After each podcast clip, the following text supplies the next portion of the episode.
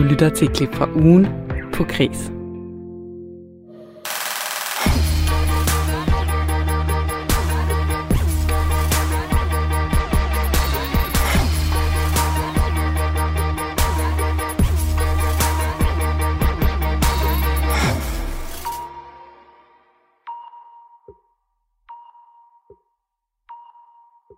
litteraturanmeldelser i 2021, Undergrundsberlin og ugens alternative banger. De emner har alle været en del af ugen på kreds, som jeg dykker ned i her til morgen. Jeg hedder Lene Grønborg, og jeg er journalist og tilrettelægger på Kreds, og så har jeg også lyttet alle Kreds-programmerne fra den her uge igennem. Og her har jeg så valgt de bedste interviews ud til dig til den næste times tid.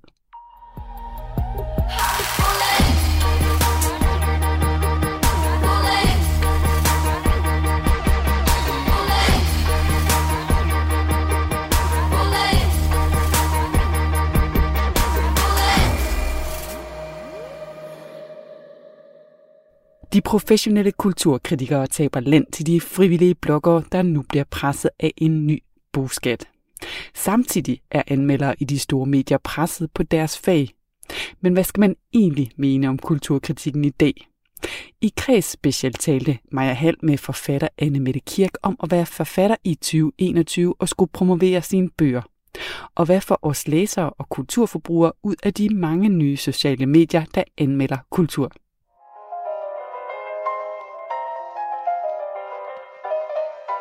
Bogbloggere skal til at betale skat af de bøger, de anmelder. Og det er de trætte af, fordi det er dyrt, og fordi de jo ikke tjener nogen penge af at blogge. Og så mener bogbloggerne, at de gør et vigtigt stykke arbejde i litteraturens navn. Det siger for eksempel bogblogger Annette Leonora Andersen mange af de der debutanter og de der meget små forlag, det er jo forlag, man nærmest ikke ved, der eksisterer. Det er folk, der henvender sig øh, til os og siger, jeg har udgivet den her bog på det her meget lille forlag osv. Så, så har du lyst til at læse den? Har du lyst til at anmelde det vil, de vil ikke have set dagens lys på samme måde, hvis det ikke var, fordi bogbloggerne ville skrive om.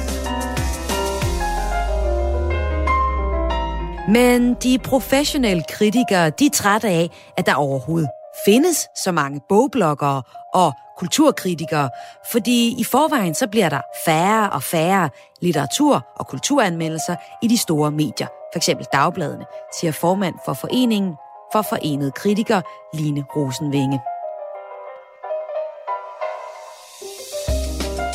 Det er et problem på den måde, at kunstkritikken så er flyttet ud i alle de her små medier, alle de her specialmedier. Der er nogen, der siger, at vi har op til 300.000 frivillige anmeldere af kunst og kultur i Danmark. Men herre og fru Kaffekop, der måske kun læser et stort dagblad, eller måske kun læser den, den gratis avis, de samler op på togstationen. De møder ikke den samtale om kunsten og kulturen. Den, den er fuldstændig fraværende i det brede mediebillede. Hvordan er det at være forfatter i 2021 og skulle promovere sine bøger til bogbloggere eller til de store aviser? Og hvad får os læsere og kulturforbrugere, alle os herre og fru kaffekop, ud af de mange nye sociale medier, der i stigende grad anmelder kultur for os? Det undersøger jeg i dag i Kris. Og det undersøger jeg med dig, Anne Mette Kirk. Velkommen til. Tusind tak, fordi jeg må være med. Du er journalist og forfatter, og du har netop udgivet din anden roman, Låst, og tillykke med den. Tusind tak for det. Jeg har inviteret dig ind, fordi at øh, du selv bruger bogblogger, og fordi du i som forfatter både skal navigere i at promovere til både ja, forlag og bogblogger og få alle os øh, læselysten danskere til at læse den op din roman. Og Annemette, jeg har lige øh, printet forsiden af din øh, debut. Den hedder Knust. Og på forsiden af den, i hvert fald af anden oplægget, jamen der er fire ud af de seks anmeldelser, du citerer, det er bogbloggere. For eksempel så øh, citerer du øh, Knirkes Bøger, en bogblog, som skriver et brag af en debut og giver dig, nu skal jeg se, 1, 2, 3, 4, 5, 6 ud af 6 stjerner. Hvordan kan det være, at du vælger at øh, citere bogblogger på forsiden af din første debut? Nu tror, nu tror jeg faktisk, du sidder med tredje øh, oplag. Muligvis. Hvis du, øh, hvis, du, hvis du sidder med, med de der stjerner på. Hvorfor jeg citerer den? Øhm, fordi jeg er pavehamrende stolt af, af den anmeldelse. Og derfor skulle de selvfølgelig på øhm, uden på bogen, så de kan være en form for guiding for de læsere, som, øhm, som kunne stå i en boghandel og tænke, at det her noget for mig. Hvad ville det så betyde for dig, hvis de her bogbloggere ikke var der længere, hvis de ikke havde råd til at, at betale skat af og modtage for eksempel den her bog? Jamen altså, udover at du så vil stå med et helt blankt felt øh, på min bog, så vil det have haft en kæmpe betydning. Øh, jeg ved ikke med Knus, det var min, min første bog, mm. som jeg var heldig, at bogbloggerne virkelig tog, tog til sig. Det var rent held. Du skriver bruger bogblogger, så nemt er det, er det sgu ikke det er jo noget med at sende sin bog ud, og så håbe, at det er en af dem, der kommer igennem nåleøjet, præcis ligesom på de øh, etablerede redaktioner. Øhm, I forhold til låst, jamen, øh, den udkom i januar måned under en lockdown i en, pan- en for evig ongående øh, pandemi. Og der vil jeg sige, uden den kærlighed til litteraturen, der var på, øh, på internettet, især for mit vedkommende på Instagram, jamen så var min bog nærmest udkommet i i intetheden med lukkede boghandler. Så det har haft en, øh, en kæmpe stor betydning, som jeg ikke engang tror, jeg helt har forstået omfanget af.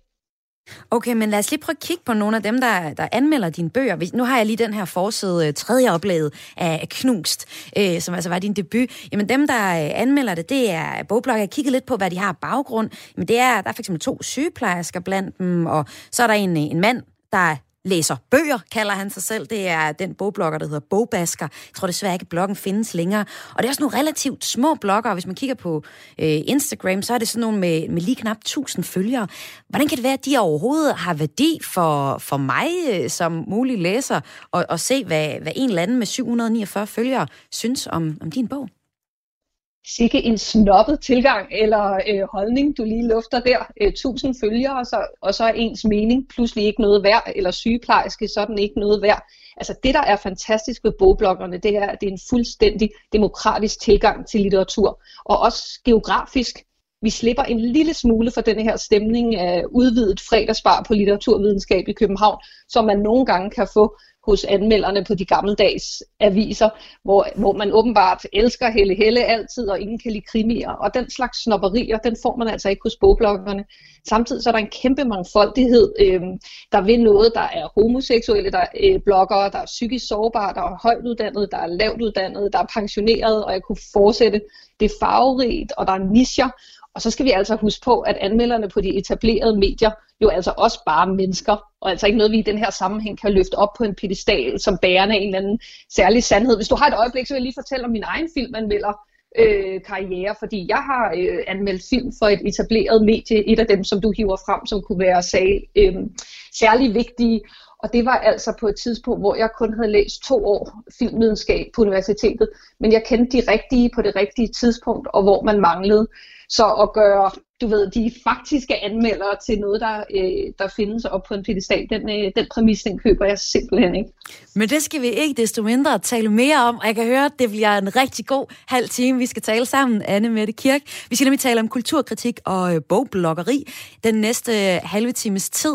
Og øh, til dig, der lytter med, vi skal tale om det, fordi en ny præcision fra Skattestyrelsen af skatteregler gør, ja, det lyder lidt tørt, men det gør altså, at bogbloggere skal betale skat af den markedsværdi på de bøger, de får til anmeldelse. Og det er derfor, at vi taler om det her nu. For den her bogbloggerskat, den har fået os i kreds til at se lidt nærmere på den danske kultur, kultur øh, og kunstkritisk øh, tilstand, sådan helt generelt.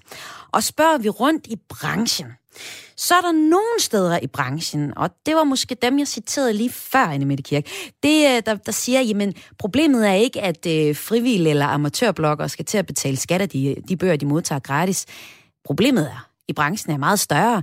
Den handler blandt andet om dårlige forhold for den professionelle kritik, og så er der også nogen, der er sindssygt irriteret over, at der overhovedet skal findes kulturblogger. Men lad os lige høre den helt konkrete historie, kogt ned på sådan en 6 minutters tid her. Den 8. januar 2021 reviderede Skattestyrelsen vejledningen på skat.dk til influencer, foredragsholdere og andre, da Skattestyrelsen fandt, at der var behov for at præcisere retsstillingen på området og gøre klart, at bogbloggere skal betale skat af den markedsværdi, bøgerne har. Det ses i lyset af, at, at der, der, der bliver flere og flere bloggere og influencer, og derfor har der været et, et, øh, et behov for at få øh, gjort det klare, hvilke skatteregler der gælder for hele den her øh, gruppe, som kommer til at omfatte flere og flere mennesker forklarer chefkonsulent og skatteekspert i revisionsfirmaet BDO Skat, Henning Bøje Hansen. Den nye skatteregel betyder, at hvis en bogblogger modtager for eksempel Annemette Kirks nye bog Låst, så skal vedkommende betale skat af de for eksempel 200 kroner bogen koster, altså bogens markedsværdi. Men der må være en bagatelgrænse, siger pressechef hos forlaget Lindhardt og Ringhof, Søren Anker Madsen, der understreger, at bogblogger betyder rigtig meget for forlaget. Jeg tænker, at skat har større og vigtigere udfordringer end at holde øje med, med et, øh, nogle bogblogger, at de får et par bøger om os, er også hver år. Hvor meget betyder bogblogger for et forlag som Lindhardt og Ringhof i jeres pressearbejde? Jamen, de betyder det, at, at, øh, og det tror jeg faktisk er fælles for hele kulturbranchen, at øh, de, de etablerede medier dækker ikke kulturen på samme måde, som de gjorde for 20 år siden. Øh, og derfor er øh, der ligesom opstået sådan et, et uh, community af folk, der er meget interesseret i en eller anden gren af kulturlivet. Der, altså, kvad de sociale medier, så kan de ligesom lave et, et fællesskab, hvor de har sådan et, en, en interesse, brændende interesse for et eller andet felt inden for kulturen, som de beskæftiger sig med, der kan man så sige, at det er måske ikke den samme faglighed, som en, øh, en mm. kritik på et stort dagblad traditionelt har haft, men omvendt så er vi også bare nødt til at sige, at vi er nødt til at skabe noget opmærksomhed om det, vi laver. Mm. Øh, og det har vi så brugt blogger og influencer til, som, øh, som øh, jeg vil sige, der er også nogle af bloggerne, der, der har en stor faglighed, det vil jeg altså bare lige understrege. Mm. Øh, ja, men jeg betragter det meget som sådan et interessefællesskab, på sociale medier, hvor man deler sin begejstring for litteratur eller musik eller teater.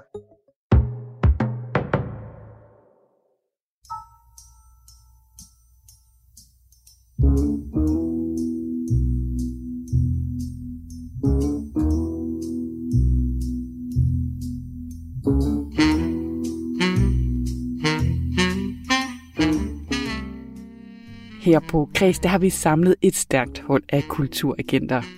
Syv forskellige danskere, der bor fordelt rundt i hele landet, og som vil anbefale dig og mig de bedste kulturoplevelser lige der, hvor de bor.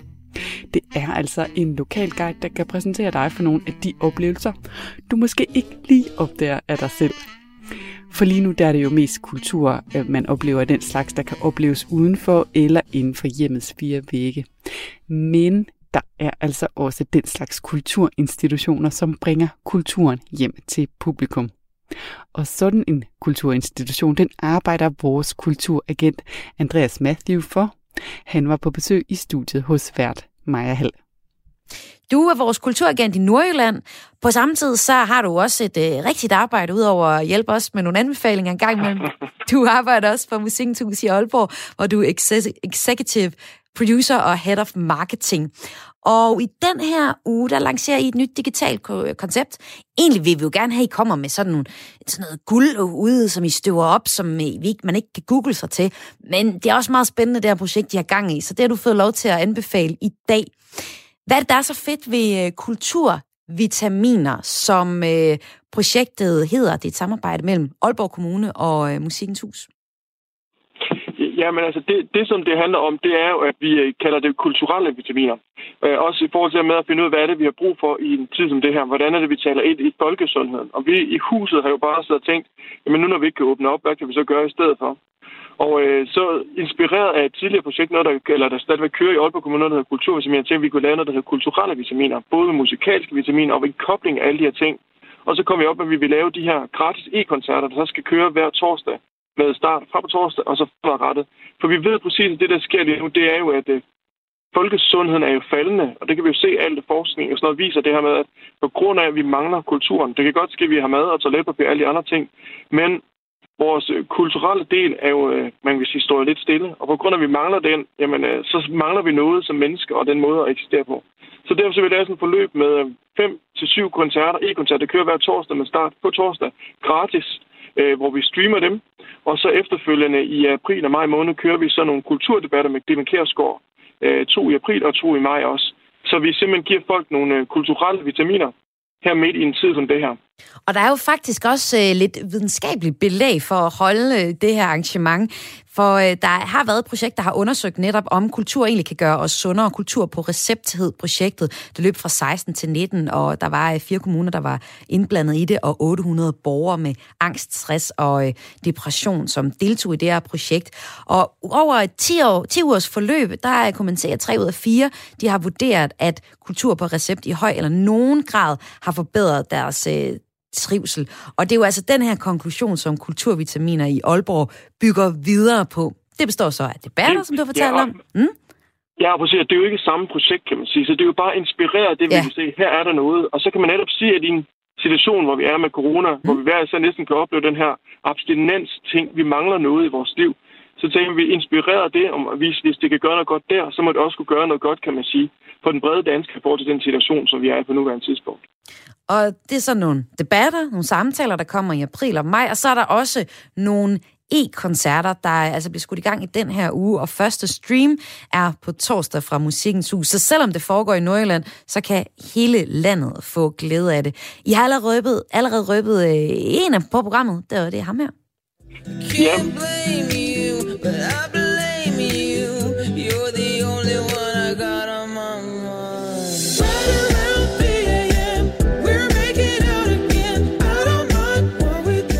er Mads Langer, og her var det en lille bid af nummeret 3am. Og han er så en af dem, man kan opleve som en uh, live-koncert i forbindelse med jeres uh, kulturelle vitaminer, som I altså arrangerer i, øh, i Nordjylland. Hvad kan man ellers øh, opleve? Jamen altså, den første koncert, vi starter med her på torsdag, det er Aalborg Symfoniorkester, som også holder til i Hus, som øh, holder en koncert. Og de vil også være en del af det. Vi har tænkt rigtig meget i at lave et meget bredt repertoire. Så de her kulturelle vitaminer, de er for alle typer mennesker og for alle forskellige genrer. Og på torsdag, som er den første her, der har vi blandt andet øh, i noget så er det noget Karl Nielsen, men en af vores in-house komponister, Jonas Avolta Bouvet, øh, har skrevet et værk, der hedder Mechanico, som øh, vil også blive opført her på torsdag, og det glæder vi os rigtig meget til. Så der vil være noget for enhver smag for alle typer, alle aldre her i løbet af de her kommende uger her, så vi tænker meget bredt. Så øh, torsdag er det Aalborg Symfoniorkester i forskellige ensembler fra to til fem musikere, der spiller. Ugen efter kommer Mads Langer på, og så vil vi hver uge løfte stødet på, hvad der ellers kommer til at være i de efterfølgende uger. Og det her kan så øh, streames via, det bliver streamet via Facebook, og på YouTube kan man finde det. Og hvem, altså du siger, det er meget bredt, men hvem, hvem håber I på øh, kommer til at klikke sig ind og, og følge med i de her koncerter og debatter senere? Jamen altså i virkeligheden så håber vi jo, at så mange som muligt klikker sig ind, så man kan have interesse i det her. Og vi håber også på den her måde at både at gøre klassisk musik mere tilgængelig for dem måske, som ikke normalt går til klassisk musik, som kan gå ind og lytte med. Og vi forsøger ligesom at sige, hvordan kan vi nå ud til et bredere publikum. Selvfølgelig er der nogen, der fast kommer til de her ting og lytter på det her, men det, er det jo en rigtig fed måde at få nogle andre kulturvitaminer, man normalt vil få. Og det her med at udvide også sin horisont i forhold til musikken, musikken og hvad musikken kan gøre for en. Men jeg skal lige prøve at høre, ja, man kan få udvidet sin horisont, og vi kan høre nogle koncerter, og der kommer også nogle debatter. Er det i debatdelen af den her samtale om, hvad kultur gør sådan, hvad, hvad det gør åndeligt godt for os? E- eller hvor er det, at den, de her vitaminer kommer ind øh, hen? Jamen, jamen, det er jo en både og ting, fordi man kan sige, at det, at du hører musik, det gør noget ved dig som menneske. Det her med at blive stimuleret og få den her, altså, øh, vores kulturminister har sagt på den her måde, at når ordene slipper op, så taler kulturen. Og det er lige præcis det her med, at det vi ikke kan sætte ord på, det kan musikken gå ind og sætte ord på. De her stemninger, de her følelser, de tanker, vi står i. Og debatten, det er jo så et yderligt, man kan sige, at oren, hvor vi simpelthen går ind og debatterer omkring det her med, jamen, hvad gør kulturen for sundhed, for eksempel? Hvordan taler kulturen i den tid? Hvorfor har vi manglet den så meget? Og hvordan får vi den tilbage? Og hvad sker der, når vi åbner op i vores land? Og alle de her ting. Så det er sådan vidt forskellige måder, vi forsøger at angribe, man kan sige, hvad, hvad kulturen er på en størrelse, og hvordan bruger vi det, og hvordan bliver det vitaminer for os. Og nu er anbefalingen givet videre i hvert fald fra dig, Andreas Matthew. Tak fordi du var med her. Jamen, øh, velbekomme. Og du er øh, både Kreses kulturagent i Nordjylland, og så er du også executive producer og head of marketing i Musikkens Hus i Aalborg. Så tak fordi du var med, og øh, det var jo så både en anbefaling for en af vores kulturagenter, ham vi har i Nordjylland, men jo også lidt en anbefaling for noget af det, som Andreas sidder med til daglig. Det er ellers sådan, at hver eneste onsdag, så kommer øh, vi, har vi en øh, kulturagent her i, øh, med i programmet til at komme med en anbefaling fra netop deres lokalområde og nogle af de kulturelle perler, der er derude. Og i dag så kom anbefalingen altså fra Nordjylland, og det er de her kultur vitaminer, som du kan opleve, både som koncerter med blandt andet Mads Langer, og også som nogle debatter, der kommer senere på foråret i øh, maj og april. Udover Mads Langer, jamen så øh, kan man også opleve øh, en koncert med øh, Aalborg Symfoniorkester, og de kommer blandt andet til at spille nogle værker af Carl Nielsen. Carl Nielsen, han var en dansk komponist, violinist og dirigent, som levede i slutningen af 1800-tallet og op til 1931, og han fik ret stor indflydelse på samtidens musikliv og musikken i eftertiden. Og jeg synes, vi skal høre et øh, nummer med ham, og det er nummeret Tone Letter, som er en del af den musik, han skrev til skuespillet Moderne i forbindelse med den officielle fejring af Danmarks genforening med 17. Jylland i 1920.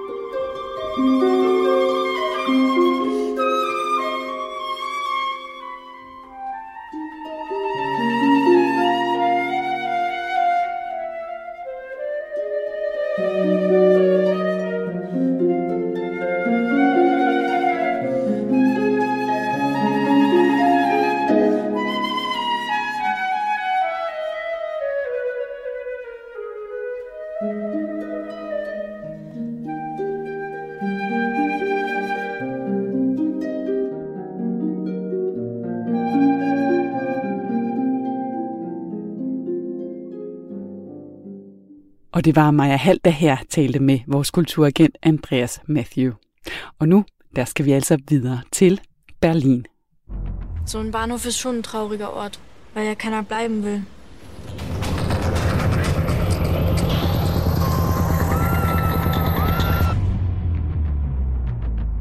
Her var det en bid fra serien Vi børn fra Bahnhof Zoo.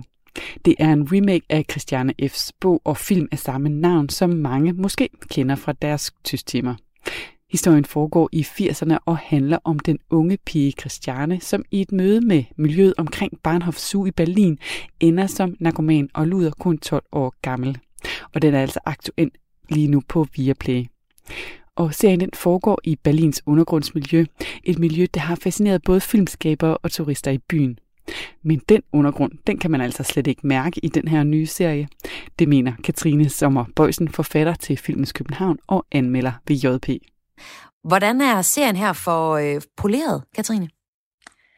Jeg synes, den er for poleret på, øh, på to forskellige måder. Altså, dels er den øh, enormt æstetisk poleret. Der er, der er leget enormt meget med sådan stilistiske virkemidler, med filtre, som i høj grad ligner noget fra, øh, fra Snapchat-generationens overskudslager.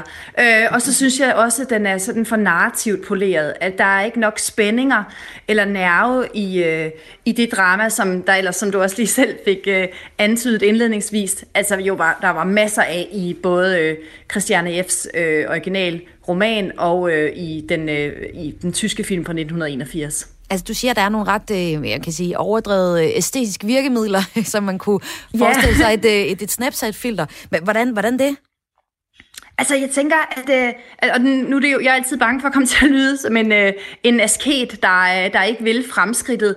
Og jeg tænker, der, der er heller ikke nødvendigvis noget galt med, at at lege med øh, formaterne eller, eller presse grænserne for, hvad man kan acceptere. Men den her historie, som både øh, i, i for, romanforlægget og i det filmiske forlæg, er en, øh, en meget, meget sådan stærk socialrealistisk undergangsfortælling, hmm. bliver er det også her, men så får den sådan et, altså ja, det her underlige clash med det øh, yberæstetiske, eller, og, og enormt glatte. Altså for, for mig øh, fortaber forbindelsen i hvert fald sig et sted øh, derimellem.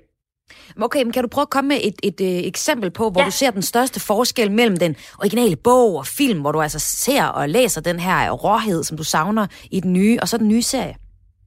Ja, altså, hvis vi skal ligesom dvæle lidt ved det, ved det stilistiske, så er der en scene, hvor, de, øh, hvor den her øh, flok unge mennesker, som er øh, Christiane og hendes øh, venner, de sidder og gynger på nogle... Øh, ja, på sådan nogle gyngestativer på den sådan temmelig øh, trøstesløs legeplads, ud for nogle øh, betonbyggerier, som har en rigtig dejlig østblokstemning.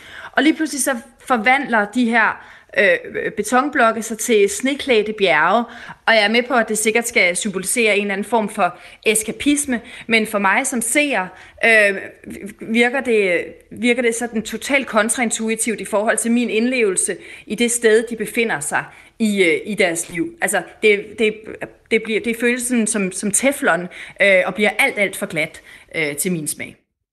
Og øh, du har beskæftiget dig med byen som kulisse, hvilket den også er i øh, det her eksempel, altså den her øh, Via Børn af Barnhof So, som lige nu kan ses på Viaplay. Og det har du gjort øh, i forbindelse med øh, bogen øh, Filmens København. Hvordan fungerer byen sådan generelt som kulisse, når den fungerer rigtig godt?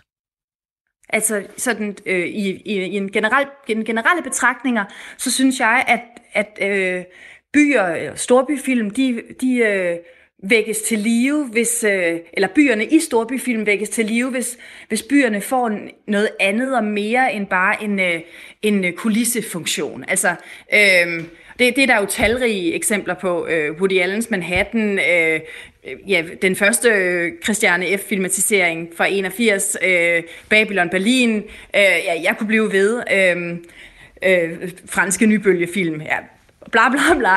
Øh, men, men her kommer, den, kommer Berlin, bliver Berlin ikke vagt til live. Altså jeg synes, at det føles som at træde ind på en, øh, en, en halvflad teaterscene, og så er der blevet sat et billede af noget, der skulle ligne Berlin i slutningen af 70'erne eller starten af 80'erne, øh, ned som et, øh, som et scenetæppe. Øh, og, og der er ingen sådan, altså det sidder eller slår ikke gnister. Øh, byen føles som en, øh, som en skabelon. Okay, ja, det lyder jo egentlig ikke særlig rart, men man kan også sige, altså måske skulle vi prøve lidt andet her. Nu er du meget hård over for æstetikken i det, men de prøver jo også i filmens forsvar, eller seriens forsvar her, at, at lave noget andet end det, vi allerede har set. Så kan du ikke se nogle kvaliteter i den måde, de har grebet det an? Ja, jeg, vil, jeg vil i den grad kunne se nogle øh, kvaliteter i den, hvis, den hvis, de, hvis de havde prøvet noget mere at lave noget andet. Altså, fordi Christiane F's historie er jo også en der, der ligger en enorm dramatisk motor i den, og der er en, et kæmpe sådan metaforisk potentiale. Så hvis man havde valgt at sige, hvordan ser Christiane F-historien ud i 2021, mm. det havde jeg synes var interessant. Men en 2021 øh, refortolkning af noget, der allerede er fortolket, men hvor man ikke i virkeligheden skifter særlig mange fortegn ud, det synes jeg lander temmelig fladt. Øhm, en, et, et godt eksempel på et sted, hvor det lykkes, er den filmatisering, der kom af, øhm, hvad hedder han, Döblins øh, Berlin Alexanderplatz. Enten var det sidste år, eller også var det for to år siden, det kan jeg ikke huske. Men hvor, hvor man formår at flytte historien til øh, nutiden, øh, uden at øh, forlægget går tabt. Og lad os det bare lige tage, interessant. Jamen lad os lige prøve at tage en, en bid af, af den her film, Berlin Alexandra Platz, fordi du har lige et par eksempler her på øh, steder, hvor at øh, Berlin som baggrundstæppe, kan man sige, fungerer rigtig godt, og det her det er mm. et af mhm. eksemplerne. Ja. Yeah. Hvor Vesten møder jeg I was a refugee all of my life. I did what I have to do. Now I got a second chance. Ich will gut sein. This one isn't for you. Not yet. Du willst etwas sein, das du nicht sein kannst. You want to be good in a world that is böse. Og det her, det er så et uh, remake af den kendeste instruktør Fars Fassbinders Alex, eller Berlin Alexanderplatz. Mm. Du mener så, at den her film, den gør noget nyt og noget andet, og det kunne du også godt have tænkt dig at se via, i, øh, via Børn af Barnhof Zoo. Men hvad gør den her Berlin Alexanderplatz rigtig godt? Jamen, den formår at vække, øh, at vække Berlin til live, øh, et nutidigt Berlin til live, uden at give køb på de, øh, på de tråde, som, øh, som bliver trukket tilbage til både Fassbenders øh, 80'er øh, serieversion og til øh, romanen i fra slutningen af 20'erne. Altså, det er et, det er et utvivlsomt et nutidigt Berlin. Øh, Berlin Alexanderplatz, øh, fjernsynstårnet fra Alexanderplatz står som sådan et fyrtårn og, øh, og glitrer midt i handlingen og tiltrækker sig en masse drama. Øhm, men, og, og man, får, man får en fornemmelse af at være der i, det her, i den her fiktive øh, øh, skildring af Berlin, på samme måde som jeg også synes, man gør det i, i øh, den også fremragende Babylon Berlin. Øh, ja, til kontrast, så, så, så har jeg altså den her øh, skolekomedie-fornemmelse af, af Berlin i, øh, i Vi Børn af Barnhus Jamen lad os da også bare lige tage det andet eksempel på øh, et sted, hvor Berlin gør sig rigtig godt som kulisser. Du siger Babylon Berlin. Du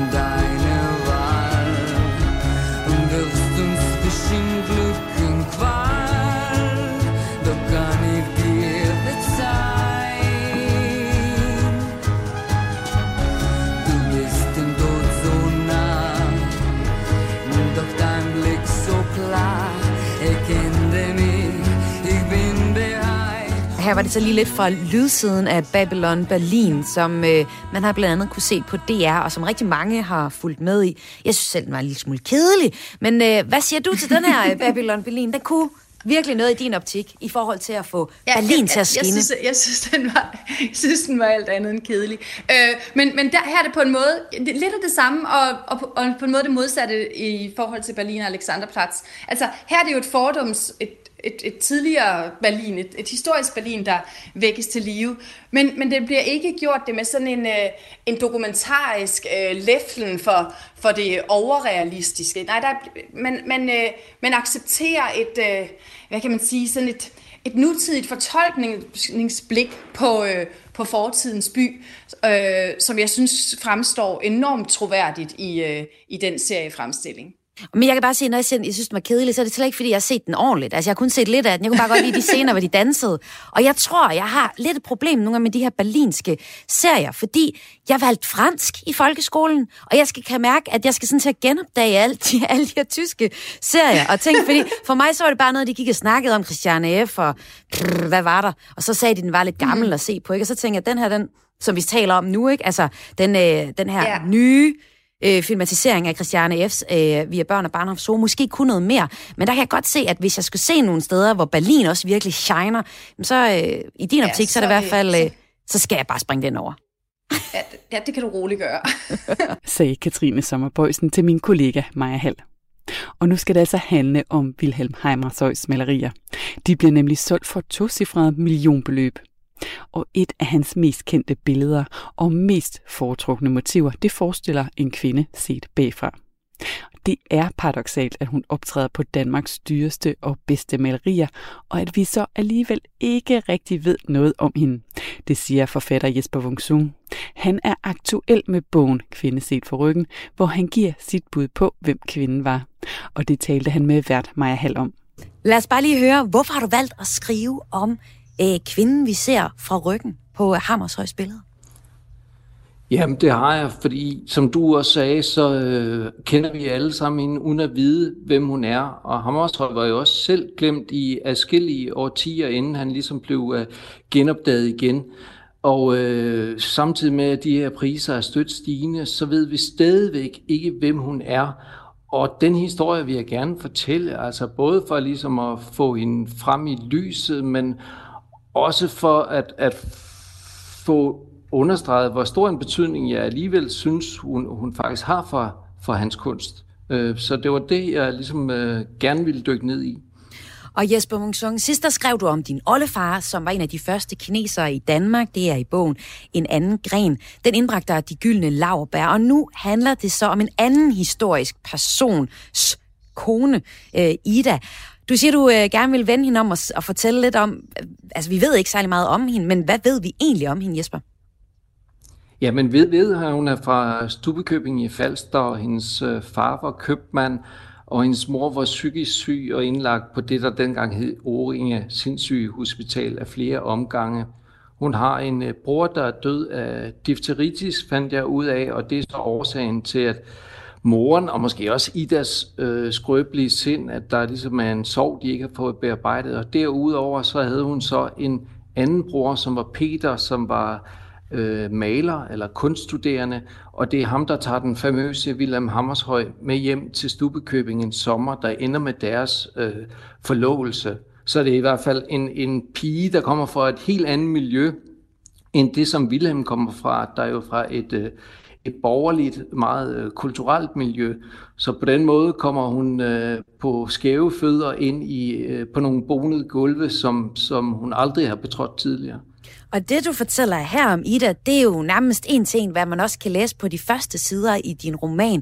Er din roman øh, tæt på virkeligheden, eller øh, hvor meget har du øh, malet med den kunstneriske pensel i, i den ja, her bog? altså jeg har malet en del med den kunstneriske pensel, men, men udelukkende på et, et fundament af, af, af fakta og viden. Altså det vil sige, at, at jeg har på Altså jeg prøver at researche mig frem til så meget, som jeg kunne. Det vil sige at sidde i, i, i arkiver øh, på den hirsbrugske samling, øh, læse de billeder, som, eller undskyld, læse de breve, som der er bevaret, ah. øh, og også det indirekte blik, der kommer på Ida og Wilhelm, det vil jo sige fra dem, der er rundt om dem, eller også samtidens maler, når de malede billeder af de er nogle store middage, hvor kulturpersonligheder var samlet, så ser man altid øh, Wilhelm som den her lidt tavse person, der sidder i baggrunden med en kop kaffe eller holder sig for munden, og Ida ser altid lidt beklemt ud. Og alle de her indirekte blikke eller lys øh, på Ida og Wilhelm er jo alle sammen brikker i deres psykologi, og så ud fra de brikker, så har jeg jo tilladt mig at, at, at digte mig frem til resten, og det vil sige, at når jeg giver Ida en stemme, så siger jeg jo også, Ida tænker, eller Ida siger velvidende, at jeg ikke kan vide, at hun har gjort det på netop den måde. Men hvis jeg må give et eksempel, så vil jeg sige, at noget af det, som, som har været afgørende for mig, det er, at, øh, at Ida ligesom, hvad hedder det, øh, er sammen med Vilhelm adskillige øh, gange, hvor de, hvor de sidder om aftenen og læser øh, bøger, fordi der er det for mørkt til at, at, at male, og når de så sidder og læser de her bøger, så, øh, så, må, så, så sidder hun og, og lader Vilhelm gætte med og når Wilhelm får lov til at, at gætte med, så er det jo noget, jeg finder på, men det er jo på baggrund af det, jeg altså ved, at de har gjort det, og jeg ved også nøjagtigt, hvad for nogle bøger, der er stået i deres reol. Hvad gætte med, skal jeg lige forstå. Hvad mener du med det?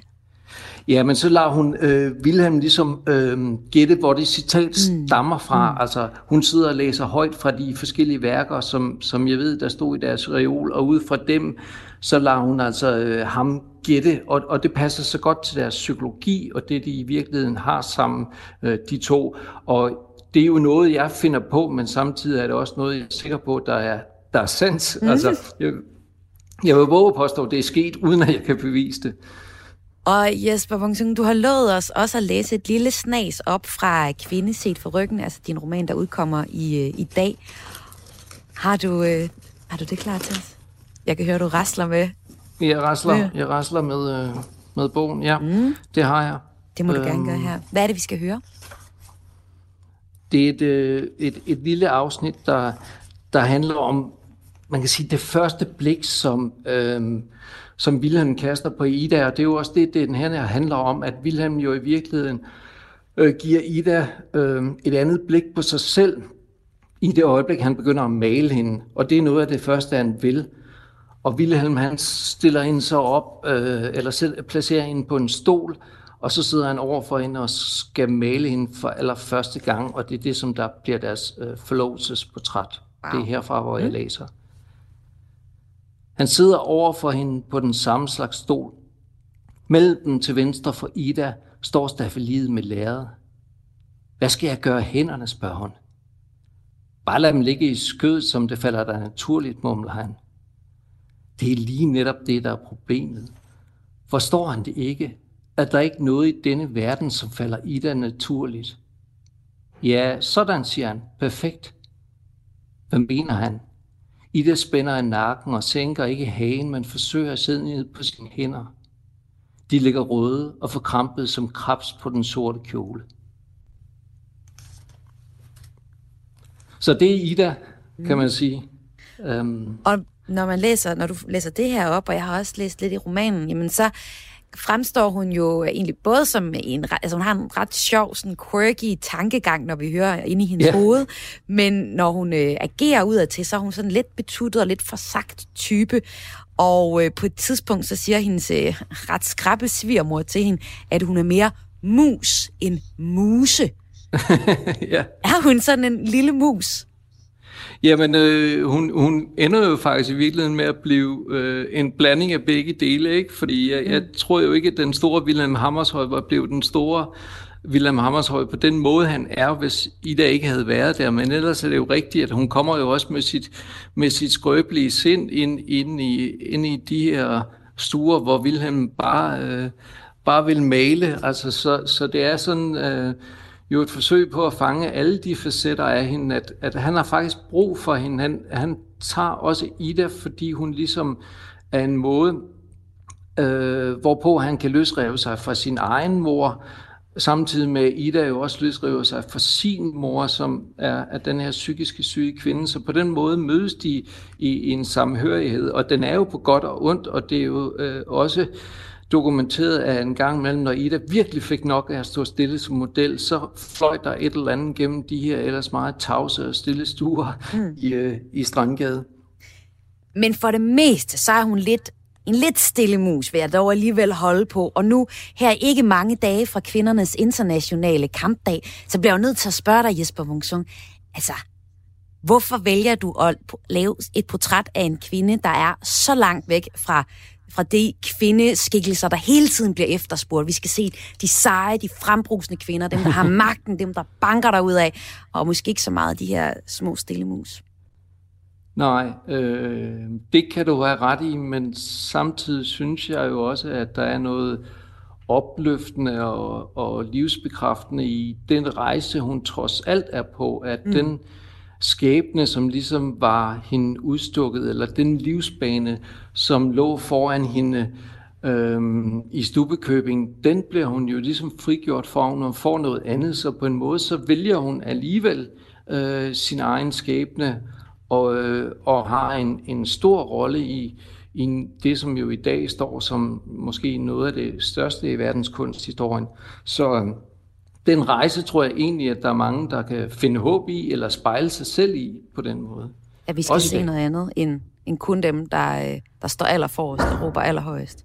Ja, det synes jeg. Fordi det er øh, Ida, hun er ikke den, der stiller sig allerforrest. Hun er den øh, kvinden bag den store maler, øh, kan man sige, Hammershøj her, og så også kvinden, der bliver portrætteret rigtig meget. Hun er gift med en mand, der bare gerne vil male, male, male, male. Jesper Wungsung, er din øh, kone gift med en mand, der bare gerne vil skrive, skrive, skrive, skrive, skrive? Og handler Ja, den her det- bog i virkeligheden lidt om dit eget liv?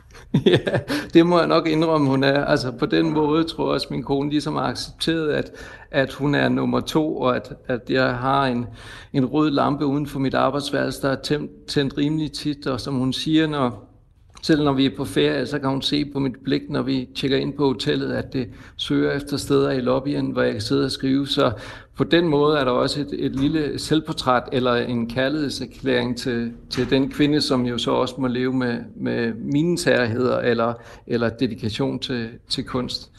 sagde forfatter Jesper Wungsung til vært Maja Hall. Og bogen Kvinde set for ryggen er allerede udgivet, hvis du ligesom mig tænker, at den skal du klart have fat i.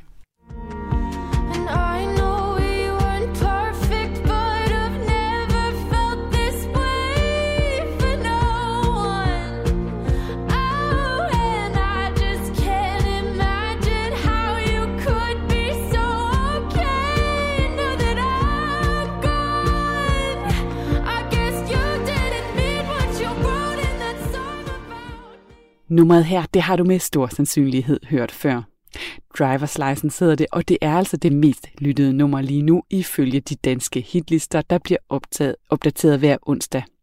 Men der findes meget andet god musik derude, som ikke lige finder vej til hitlisterne, bare fordi det ikke lige er klassisk popmusik. Og det er altså en skam, synes vi her på Kreds, så derfor har vi besluttet os at ændre en lille smule på det.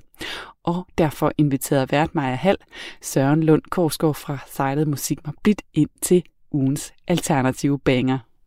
Men der findes jo meget andet god musik derude, som ikke finder vej til hitlisterne. Har jeg ikke øh, ret i det, øh, Søren Lund Korsgaard? Jo, bestemt. Det, det synes jeg også. det synes du nemlig også. Og velkommen til Græs. Du øh, driver musikbloggen øh, Musik med Blitz og er lidt af en musiknørd. Og sammen med dig, så giver vi øh, jer lyttere her hver eneste onsdag et alternativ til det mainstream hit. Det er de fleste går og lytter til at blive spillet på øh, radiokanalerne. Vi laver simpelthen ugens alternativ banger, som vi har valgt at kalde det, altså et nummer med slagkraft, som sætter sig i kroppen på en eller anden måde. Og i stedet for at lytte til det her driver's license, så har du et alternativ med til os. Søren, hvilket nummer har du med? Mm. Øh, jamen, jeg har taget et nummer, der hedder You Owe Me Rent, som er et, øh, et nyt dansk band, der hedder Madonna Tello. De, de er som sagt sådan et ret nyt band, så de, de er egentlig ret ubeskrevet indtil videre. Ja. Og lad os lige høre en, øh, en snas af det her, før vi taler mere om det.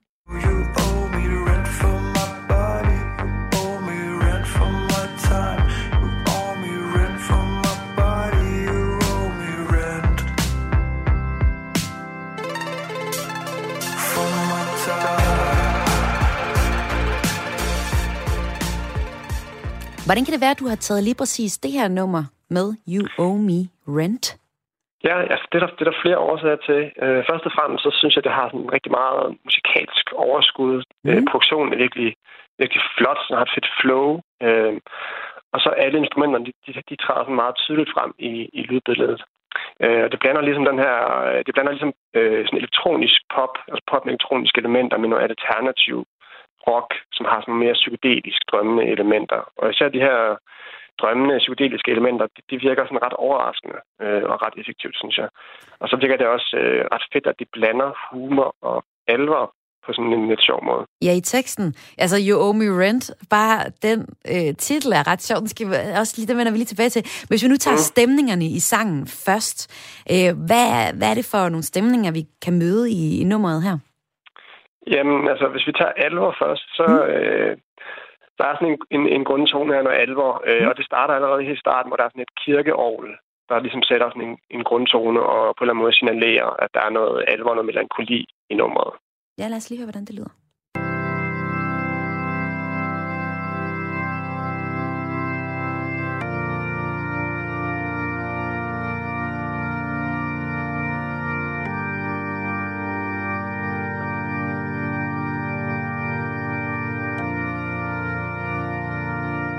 Altså, det her, det lyder jo ikke umiddelbart som den nye popbasker, når man hører det først. Ja. Men så kommer der noget vokal på, og så sker der lidt mm. andet. Øhm, ja. Der er også noget melankoli i selve teksten, og så er der den her øh, humor og selvironien. Hvordan øh, ja. hører du det komme til udtryk? Jamen altså, øh, altså sådan en, et kirkeovl, det er jo sådan lidt højtidligt, men når man så hører teksten, hvor han synger øh, henvendt til sin eks, så synger han ligesom, at hun skylder ham leje for hans krop og hans tid. Øh, og det er jo sådan en ret absurd øh, ting at sige, øh, at man på en eller anden måde øh, skal, skal stille sin øh, eks til regnskab for, for den øh, tid, man har, man har haft sammen. Øh, men det er på en måde sådan en overdrivelse frem af forståelsen. Og så den måde, han leverer den her tekst på, er også en ret tilbagelænet og sådan lidt, lidt, hen, lidt henkastet og med en ret cool vokal, synes jeg, som, som ligesom understreger, at der er sådan noget ironisk på spil. Ja, lad os prøve at høre det her. Og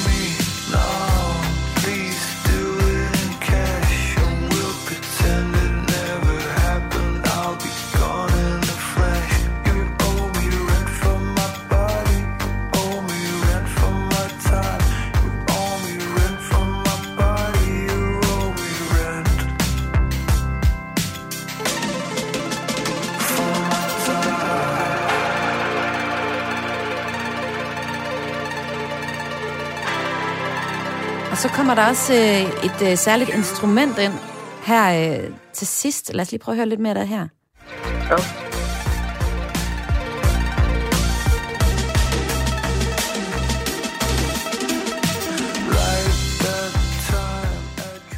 Hvad er det, vi øh, hører her til sidst? Øh, jamen, det er en form for synthesizer, som skaber den her sådan, storladende, glitrende, sådan lyse synth-lyd. Mm. Øh, og den bevæger sig sådan lidt ud af, ind og ud af nummeret. Øhm, og sammen med, med vokalen og sådan den øvrige instrumentering, så løfter nummeret sig ligesom til sådan nogle lidt højere luftlag på en eller anden måde. Men- Men... Som jeg synes er ret fedt. Altså nu skal vi lige om lidt høre nummeret, i sin, altså, hvor det hele hænger sammen, hvor vi både ligesom mm. Hører orglet og synthesizeren og tekstuniverset, det er sammenblandet. Fordi hvis man hører tingene adskilt, som vi nu har delt det op her, så kan man godt, altså så synes jeg måske, han lyder sådan lidt arrogant i sin øh, stemme. Mm. Men når man Ja. hører det sammen, så, så mærker man alligevel humoren i det, er det ikke sådan? Jo, der er sådan en sjov, øh, en sjov modsætning indbygget i det. Ja, fordi hvis man bare hørte ham, så vil jeg tænke, sig mig engang, 90'erne har ringet, og du kan lige smutte tilbage med den arrogante indstilling til parforholdet. Ja. Men ja. altså, lad os lige høre Madonna Tello. Det er et nyt band, og øh, det her det er deres øh, første single. Hvilke elementer ser du frem til at lytte til efter deres, øh, ja, i deres kommende musik? Jamen først og fremmest, så synes jeg, øh, ja, så ser jeg frem til mere sådan, sådan velsmurt elektronisk pop, men også med nogle overraskende elementer i, ligesom den her, den her sådan synthesizer, der sådan svæver ind over det hele. Øh, men også mere sådan den her blanding mellem øh, alvor og melankoli, selvironi, fordi at, øh, altså hvis man kigger på bandet, sådan visuelle Mm. øh, stil, øh, også så kan man ligesom se, at den her selvironi går igen. Altså for eksempel så er deres logo, det er skrevet med sådan en skrifttype, som ligner noget fra sådan et, øh, noget, noget et metal, sådan et dødsmetalband vil have. Øh, og der er også øh, bidder ud af deres musikvideo, hvor man kan se, at forsangeren han står og spiller på sådan en stor regnemaskine, sådan noget fra 90'erne ligner det, øh, som sådan en form for gimmick. Øh, og det virker bare ret komisk, at han står og spiller, spiller på en regnemaskine, som om, at det, det er rigtigt en musikinstrument. Øh, Det lyder Så som det et band det, med humor i. Det kan vi sgu godt lide. Søren ja. Lund Korsgaard, ejer af og musikformidler på bloggen Musik med Blidt. Tak fordi du var med og gav os en introduktion til denne ugens alternative banger. Velbekomme. Og øh, lad os da også lige øh, slutte af med at høre den i fuld længde. Her kommer det Madonna Tello, You Owe Me Rent. I came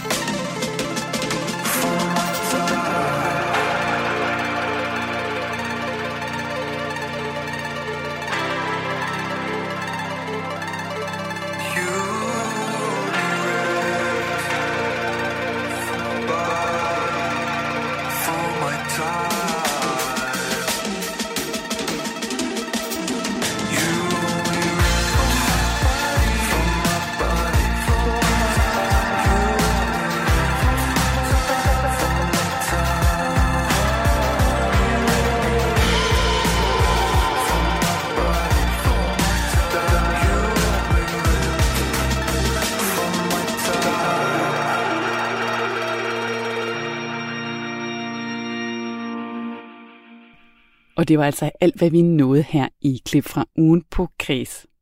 Du kan selvfølgelig finde alle programmerne som podcast på vores hjemmeside radio4.dk eller i vores app.